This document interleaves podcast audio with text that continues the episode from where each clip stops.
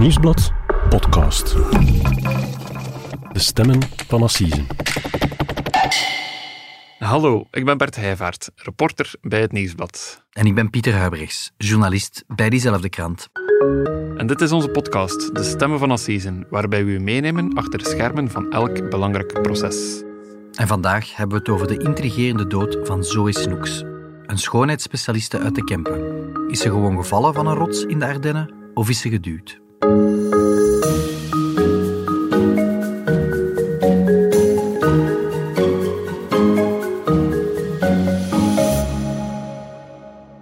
Pieter. Dag Bert, Pieter, het was een hectische week hè, hier op de redactie. dat kan je wel stellen. We hadden eerst een eh, andere podcast voorbereid. Maar ja, maandagavond veranderde natuurlijk de hele agenda door de aanslag in Brussel. Ehm, ja, en dan schiet zo'n crimi-redactie een beetje in een speciale modus. Ja, dan is het alle hens aan dek en dan moet alles wijken om ja, zo snel mogelijk te weten van wat is daar gebeurd in Brussel, eh, wie is die schutter, eh, hoe groot is die paniek, eh, wat is er daar allemaal aan het gebeuren aan het Koning Boudewijnstadion. Dan is de taak om kalm te blijven, maar is het wel ja, ja, veel telefoons, veel zoeken tot we vinden wat er aan de hand is. Hè. Ja, en zijn de bronnen dan spraakzaam eigenlijk op zo'n moment? Sommige wel, andere niet. Wat, wat je wel merkt is dat er heel veel paniek was ook. Ehm, Ja. Ik vond nu wel dat die, ja, dat die ministers en co. dat die later een hele professionele indruk nalieten, diep in de nacht. Hè. Dat, je voelt wel dat er achter de schermen heel veel, eh, heel veel eh, informatie werd vergaard en dat het ook wel duidelijk was dat ondanks de paniek dat er ja, wel een soort sereen, eenkrachtig verhaal moest verteld worden diep in de nacht. Ja, het was fascinerend. Oké. Wie alles wil weten over de aanslagen, ik zou zeggen, zie de Insider, onze Actua podcast. Vandaag gaan we het hier over een eh, ander verhaal hebben. Een zeer opvallend verhaal dat ook deze week en vorige week in het nieuws kwam. En dat is het verhaal van Zoe Snoeks. Ja, Zoe Snoeks is een 33-jarige schoonheidsspecialiste uit Meerhout. Hè, dat is een plek in de Kempen. En zij kwam in 2021 om het leven door een val in de Ardennen.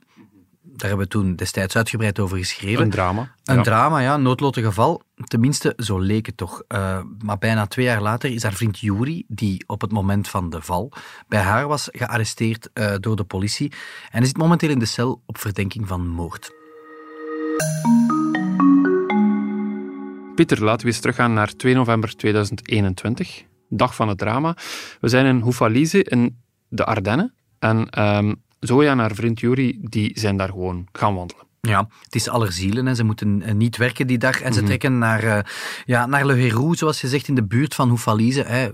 Populair eh, voor fietsers, voor wandelaars. Ehm, een van de meest uitdagende plekken in de Ardennen, denk ik, voor avonturiers. Ja, en ze besluiten om daar een, eh, een prachtige wandeling te maken naar die rotsformatie Le Héroux. Ehm, dat, is een, dat is een typische Instagram-spot. Dat is, ja, dat is een van de ja, misschien wel meest uitdagende wandelingen in de Ardennen. Amper drie kilometer lang. Maar laat ik me vertellen, je doet er meer dan twee uur over. Het is echt eh, een uitdagende wandeling voor de ja, ervaren wandelaar. Ja, en waar is dat, eh, Zoe en eh, Juri? Want je zou dan kunnen denken, oei, er is iets gebeurd. Ze hebben misschien gewoon ja, slecht schoeisel aangedaan, ze waren niet voorbereid. Eh, was het zo'n verhaal? Nee, totaal niet eigenlijk. Hè. Het is een koppel dat zeer goed op de hoogte was van de moeilijkheidsgraad van die wandeling. Ehm, het was een heel avontuurlijk koppel. Hè. Dat kon je ook zien aan hun Instagram. Eh, ze deden regelmatig van die, van die tochten. Ehm Zoe had zelfs een eigen YouTube-kanaal waar ze Ah, prachtige beelden eh, zetten. Ze gingen met een drone op pad en ze hadden een, een omgebouwd busje, een soort van, waar ze in sliepen en waarmee ze naar afgelegen plekken trokken om daar ja, avontuurlijke wandelingen te doen. En ja, het gevolg was dat we dat eigenlijk konden volgen op Instagram met allerlei mooie, uitdagende plaatjes. Ja, oké. Dus ze waren goed voorbereid. Ehm, ze doen die wandeling, ze weten perfect waar ze aan beginnen. Maar dan gaat het die dag mis. Wat is er juist gebeurd? Dus ze hadden het plan om die, die wandeling te doen. Ze zijn vergezeld van hun twee hondjes, die hun altijd vergezelden tijdens hun trips. En ze beginnen aan die wandeling. En finaal komen ze op de plek waar, eh, op de top zeg maar, waar ze, eh, zoals jij en ik ook zouden doen, foto nemen. De Instagram-spot van daarnet. Ja. Inderdaad. En, en hoe gaat dat in zijn werk? Zoe staat met haar rug naar de afgrond. En Juri staat wat verder. Hè, en op een of andere manier wordt hij afgeleid door het gedrag van een van de honden. Dus de honden lopen weg of komen te dicht bij de, bij de rand. Ja. Hij focust zich daar even op en dus heeft even Zoe niet meer in het oog. En dan gebeurt er iets eh, dramatisch. Plots is Zoe weg. Eh, zij is 50 meter naar beneden gevallen en ligt ja, 50 meter dieper aan de oerte. En Juri heeft op dat moment niets gezien, niets gehoord over hoe dat ze gevallen is. Maar dat is het hele merkwaardige aan dit verhaal. Hij zal later verklaren van, het gebeurde in een flits, ik heb haar zelfs niet horen schreeuwen, ik draaide mij om en plots was ze weg. Ja. Ziet hij haar liggen? Nee, uh, ja, uiteraard kijkt hij over de rand om te zien waar zij naartoe is en hij, en hij, en hij, en hij roept, maar hij ziet daar niet liggen. Nee. Um, er zijn ook geen getuigen op dat moment. Nee, ze zijn daar helemaal alleen. En, en vervolgens neemt hij zijn gsm en belt de hulpdiensten en, en ja, probeert hij te achterhalen waar ze, waar ze ligt, maar dat lukt niet uh, meteen. Ja, en wordt ze dan uiteindelijk later wel teruggevonden? Ja, ze wordt dan door de hulpdiensten gevonden. Um, er gebeurt wel nog iets opmerkelijk, want zoals ik zei, ze was een selfie aan het nemen, hè, zo verklaart hij toch? Ja. Je zou dan veronderstellen, Bert, dat, dat haar gsm mee naar beneden is gevallen. Ja. Maar dat is niet het geval. Uh, hij komt later met een verhaal dat hij wat later, terwijl de hulpdiensten arriveren, haar gsm vindt. Gewoon op die rots, op een heel andere plek. Ja, zo verklaart hij. Oké. En hoe reageerde Jury eigenlijk op het moment van het drama? Wat, wat vertelde hij aan de hulpdiensten, aan de pers? Ja, de hulpdiensten zien natuurlijk een zeer emotionele man. Hè. Die situatie is uiterst schokkend. Je bent al jaren getrouwd met de vrouw mhm. van je dromen en, en, die vrouw is net een, een, vreselijke dood gestorven. Dus ja, dat zijn dramatische scènes. Hè. Hij verklaart aan de hulpdiensten van ja, plots was ze weg. Ja, uh, ja, ja, ja. Uh, opvallend is wel, de dag nadien duikt hij ook op in de Vlaamse media. Dus hij geeft een interview waarin hij ja, de feiten vertelt zoals hij ze ook uh, destijds aan de hulpdiensten heeft verteld.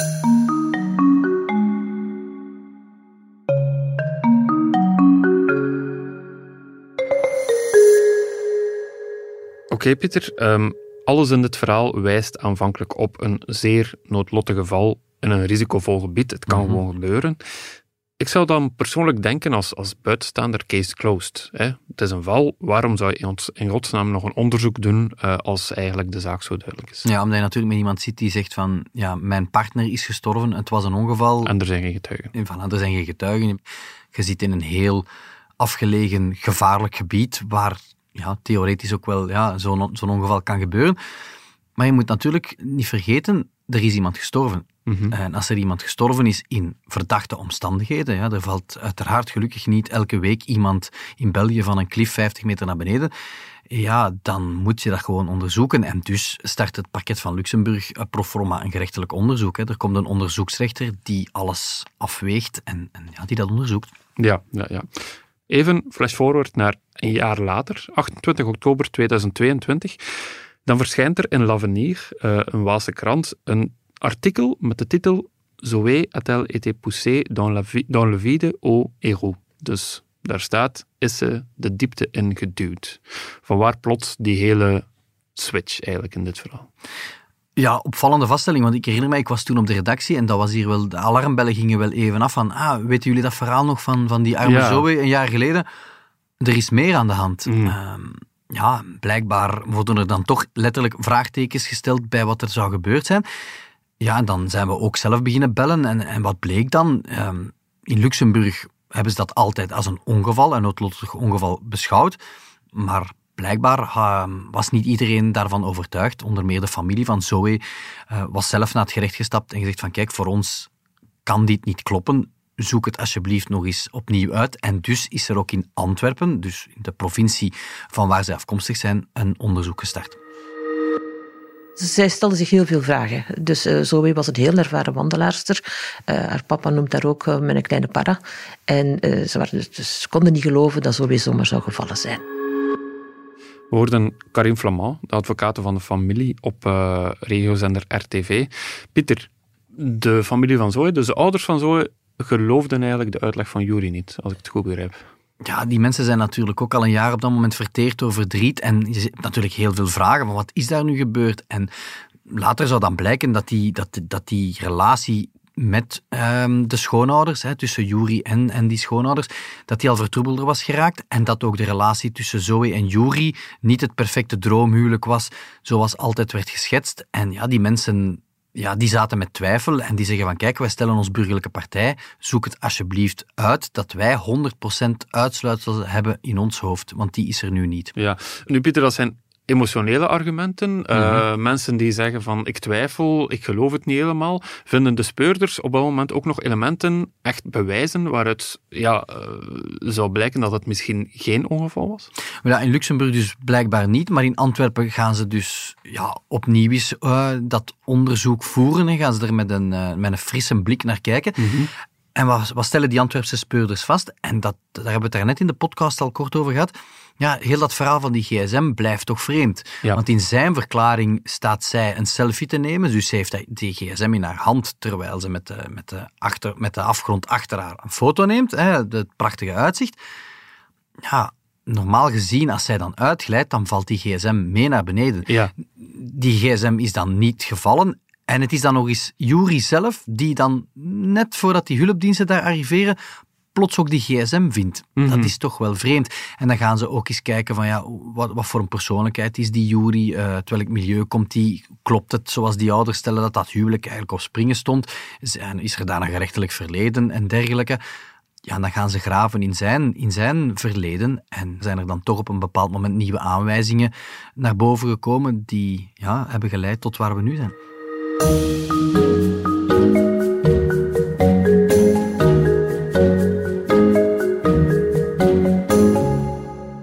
Oké, Pieter, dringend tijd om even in te zoomen op Yuri J., de man om wie Stellan alles draait. Wie is hij? Ja. Een man met twee gezichten eh, zal blijken.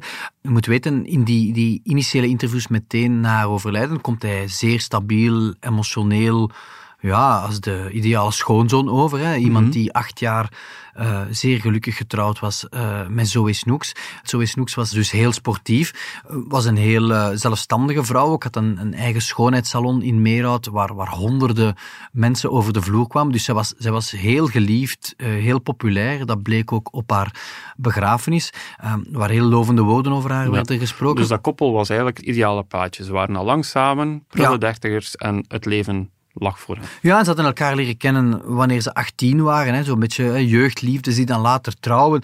En op Instagram kon je dat volgen, hè, die, die perfecte reizen, dat perfecte plaatje, hè, die dronebeelden op, op die prachtige plekken. Dus dat zag er allemaal koek en ei uit. Hè. Acht jaar getrouwd. Maar over de acht jaar getrouwd schreef ze dan op een bepaald moment op haar eigen Facebook, zag ik van, ja, we hebben het gehaald, maar het is met ups en downs geweest. Het was niet altijd enkel maar grote liefde. En wat is het verhaal daarachter dan? Ja, dan wordt het natuurlijk interessant, ook voor de speurders, want dan blijkt dat het toch allemaal eh, niet zo rimpeloos is verlopen. Eh, Op een bepaald moment is hun huwelijk uh, blijkt on hold gezet. Hij is een affaire begonnen met iemand anders. Zij is daarop ook met haar fitnesscoach iets begonnen.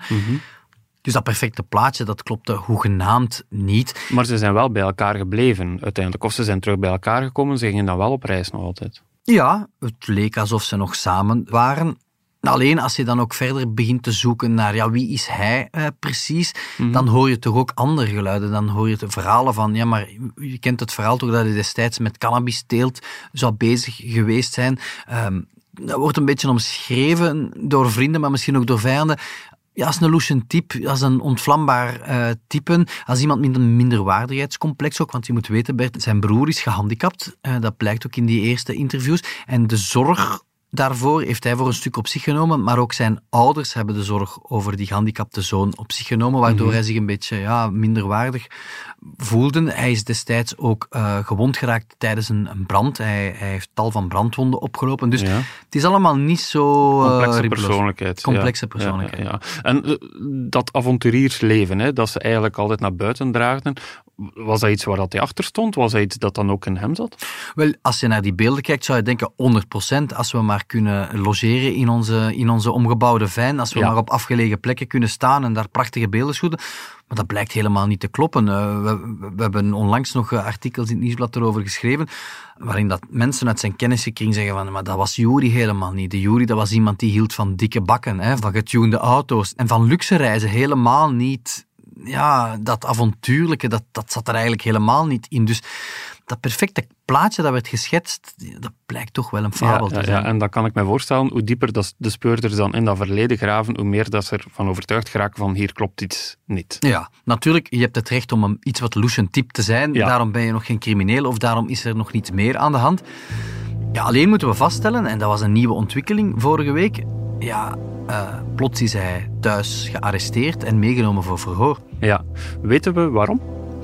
Ja, dat is de hamvraag. Uh, officieel zegt het parket van uh, Antwerpen, zegt Christophe Aerts, de woordvoerder, er zijn nieuwe aanwijzingen opgedoken in dit verhaal. Mhm. Welke aanwijzingen dat, dat zijn, heeft dat met die gsm te maken. Is zijn telefoon afgetapt? Heeft hij bekentenissen afgelegd aan een vriend op café? Dat is allemaal speculatie, dat weten we niet. De enige zekerheid is, hij is uitgebreid verhoord. Er is ook een reconstructie geweest met hem aan die rots in, in de Ardennen. En hij is opgepakt, voor een onderzoeksrechter voorgeleid en aangehouden op verdenking van moord. Hij zit nu in de cel. Hoe moeten we dat nu als buitenstaander interpreteren? Want eh, er is nog geen proces geweest, voor alle duidelijkheid. Op dat vlak zitten we een beetje anders dan ja, wat we normaal vertellen in mhm. deze podcast. Het onderzoek is lopende. Is de politie dan zeker van zijn zaak op zo'n moment? Of kan hij volgende week ook gewoon die cellen terug uitwandelen? Hij is onschuldig tot het tegendeel is bewezen. En vooral zijn advocaat bevestigt dat ook. Hij ontkent de feiten. Dus hij, hij wordt er nu van verdacht dat hij zijn vrouw op dat moment bewust van die rots heeft geduwd. Mhm. Dat heel zijn verhaal van destijds, van ja, ik was afgeleid door de honden en dergelijke, met die selfie, dat dat allemaal niet klopt. Maar hij zegt van... Dat, is mijn verhaal. Dat is mijn verhaal en ik blijf daarbij. Mhm. Wat die nieuwe aanwijzingen zijn, weten we niet. Ja, het is natuurlijk nu aan het gerecht om ook wel aan te tonen dat hij effectief dat zou gedaan hebben. Want ja, bewijs het maar natuurlijk. Hè. Ja. Wat zeggen de ouders van Zoe na zijn arrestatie? Ja, die een buikgevoel zegt al sinds haar dood in 2021, in november, van ja, dit klopt hier niet, dit is, dit is louche, dit moet je uitzoeken. Uh, hij, heeft, hij, heeft, hij heeft iets gedaan. Dus ja, in zekere zin zijn zij opgelucht dat, dat we misschien dichter bij de waarheid zijn gekomen. Maar ja, zij weten natuurlijk ook niet hoe het zit, want zij waren er natuurlijk ook niet bij. Ja, ja. Ik neem aan dat het, uh, ja, dat het onderzoek nog verder loopt, dat er uiteindelijk een proces uh, misschien zal volgen. Hoe gaat dat nu verder, juridisch? Ja, dat is nog af te wachten. Hè. Um, net vandaag, vrijdag, verschijnt hij uh, als verdachte voor de raadkamer in aan Turnhout. Dus die instantie zal nu beslissen, ja, mag hij huiswaarts, al dan niet met een enkelband, of moet hij nog een maand in de gevangenis blijven, minstens. Dus dat is wel belangrijk om te, te bekijken wat er, wat er dan vrijdag gebeurt. Ja, onderzoek zal op een bepaald moment afgesloten worden en dan, dan zullen we zien, ja, wordt, hij, wordt hij aangeklaagd, wordt hij doorverwezen uh, richting de rechtbank. Ja, als dat zo is, wegens moord dan, dan gaat er ooit een assiseproces komen en dan gaan we er in een latere podcast uh, ongetwijfeld op moeten terugkomen. Oké, bedankt Pieter om dit allemaal uit te leggen uh, voor ons. Um, en ook nog belangrijk, wie nog voor ons wil stemmen op de publieksprijs van de oorkondes, die kan dat nog altijd doen, hè, Pieter? Ja, zeker. En ik raad elke luisteraar om dat natuurlijk meteen na het beluisteren van deze podcast te doen. Ja, de, alle info vind je op uh, onze Instagram-pagina. Belangrijk ook om weten, wij gaan daar gewoon zelf staan. Hè? Ja. Op het podcastfestival van de Standaard. Ja, misschien moeten we nog eens uitleggen, Bert, waar dat doorgaat en wanneer? Dat gaat door in Oostende uh, op 10 en 11 november, maar wij staan er op 11 november om uh, eh, 18.30 uur met een hele show. Dus, uh, alle, iedereen welkom. Iedereen daarheen, iedereen tickets kopen en dan zien we jullie daar. Oké. Tot volgende week. Dit was De Stemmen van Assisen, een podcast van het Nieuwsblad. De stemmen die u hoorde vandaag waren van Pieter Huibrechts en van mezelf, Bert Heijvaart. Het fragment dat u hoorde was van RTV en de montage was in handen, zoals altijd, bij Benjamin Hertogs van House of Media. Bedankt om het luisteren en tot volgende keer.